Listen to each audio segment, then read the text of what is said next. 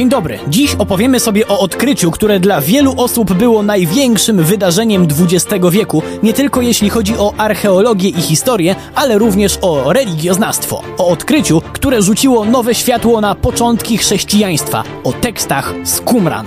Brzmi zagadkowo? Już wszystko tłumaczę. Przy mikrofonie Wojtek Drewniak, co ani chybi oznacza, że pora na kolejny odcinek programu w Drewniakach przez świat. Zapraszam.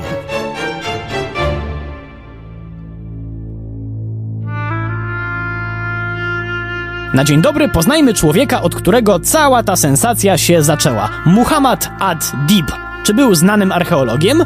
Nie, był zwykłym mieszkańcem małej arabskiej wioski Chibret Qumran, który w 1947 roku akurat przemierzał okolice, jak to już wcześniej czynił wielokrotnie. Jednak tym razem zajrzał do jednej z wielu okolicznych grot i znalazł tam jakieś tajemnicze zwoje. Tutaj czapki z głów dla pana Muhammada, że mimo, że nie miał prawa zdawać sobie sprawy z tego, co właśnie odkrył, to nie zawinął zwojów dla siebie, żeby je potem sprzedać turystom, albo zwyczajnie zamknąć w szufladzie a pognał z nimi do duchownego. W końcu trafiły do patriarchy kościoła syryjskiego, któremu też zależało na ich dokładniejszym zbadaniu i tak oto tajemnicze zwoje znalazły się w Uniwersytecie Hebrajskim w Jerozolimie i błyskawicznie wprawiły naukowców w osłupienie. Bo w przeciwieństwie do pana Muhammada ad-Diba, badacze bardzo szybko zdali sobie sprawę, że znalezione w grocie zwoje to biblijne teksty z czasów biblijnych. Nie dość, że to rarytas sam w sobie, to jeszcze o gigantycznej wartości poznawczej, bo można będzie te teksty porównać z Biblią znaną dziś i zobaczyć, czy przypadkiem nikt niczego nie poprzekręcał.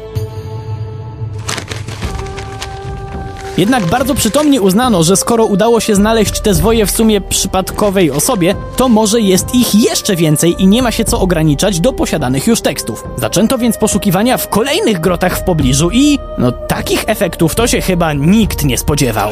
Bo odkryto kolejne groty z tekstami, ale nie dwie czy trzy, a dziesięć, a dodatkowo bardzo zagadkowe pozostałości osady też sprzed jakichś dwóch tysięcy lat. Trzeba to było wszystko dokładnie przebadać i nie mógł tego zrobić byle kto. Powołano więc specjalny międzynarodowy zespół specjalistów, wśród których oczywiście nie mogło też zabraknąć naszego rodaka, którym był Józef Milik, swoją drogą absolwent Kulu. Wydał on zresztą masę publikacji na temat tych odkryć. No właśnie, czego konkretnie?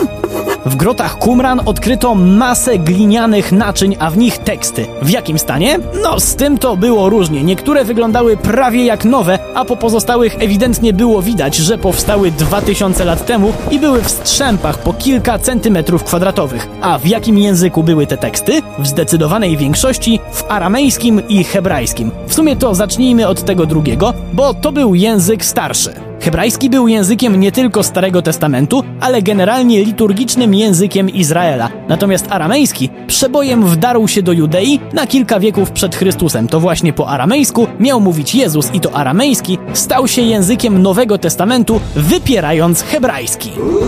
No w porządku, to wiemy już w jakim języku spisane były owe teksty z Qumran, ale o czym one dokładnie opowiadały? Bo umówmy się, teksty biblijne to dość spory ogólnik. No to konkretniej rzecz ujmując, w tych rękopisach znaleziono prawie całość Starego Testamentu. Teraz mając oryginały, to znaczy teksty w oryginalnym języku, można je było porównać z popularnymi przekładami Biblii i zobaczyć ile z biegiem lat dodali od siebie tłumacze i okazało się, że praktycznie nic się nie zmieniło. Podejrzewam, że kamień z serca spadł wtedy wielu gorliwym wiernym.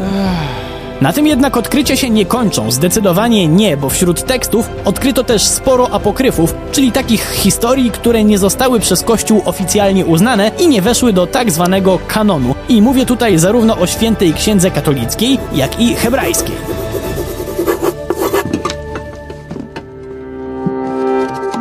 Dużo ważniejsze jednak z perspektywy nauki o religii było odkrycie fragmentów Nowego Testamentu i to było o tyle super, że te księgi przez setki lat znano tylko z greckich przekładów, a tu nagle łubudu znalazły się w oryginalnym języku Jezusa. A poza tym znaleziono też komentarze ówczesnych badaczy do świętych tekstów, na przykład do księgi Habakuka, chociaż to akurat Stary Testament. Ale przykład chyba najciekawszy. Coś tam jeszcze było? No a jak? Bo wśród tych wszystkich świętych tekstów odkryto też pisma stworzone przez wspólnotę, która mieszkała w owej osadzie, po której pozostały już tylko ruiny.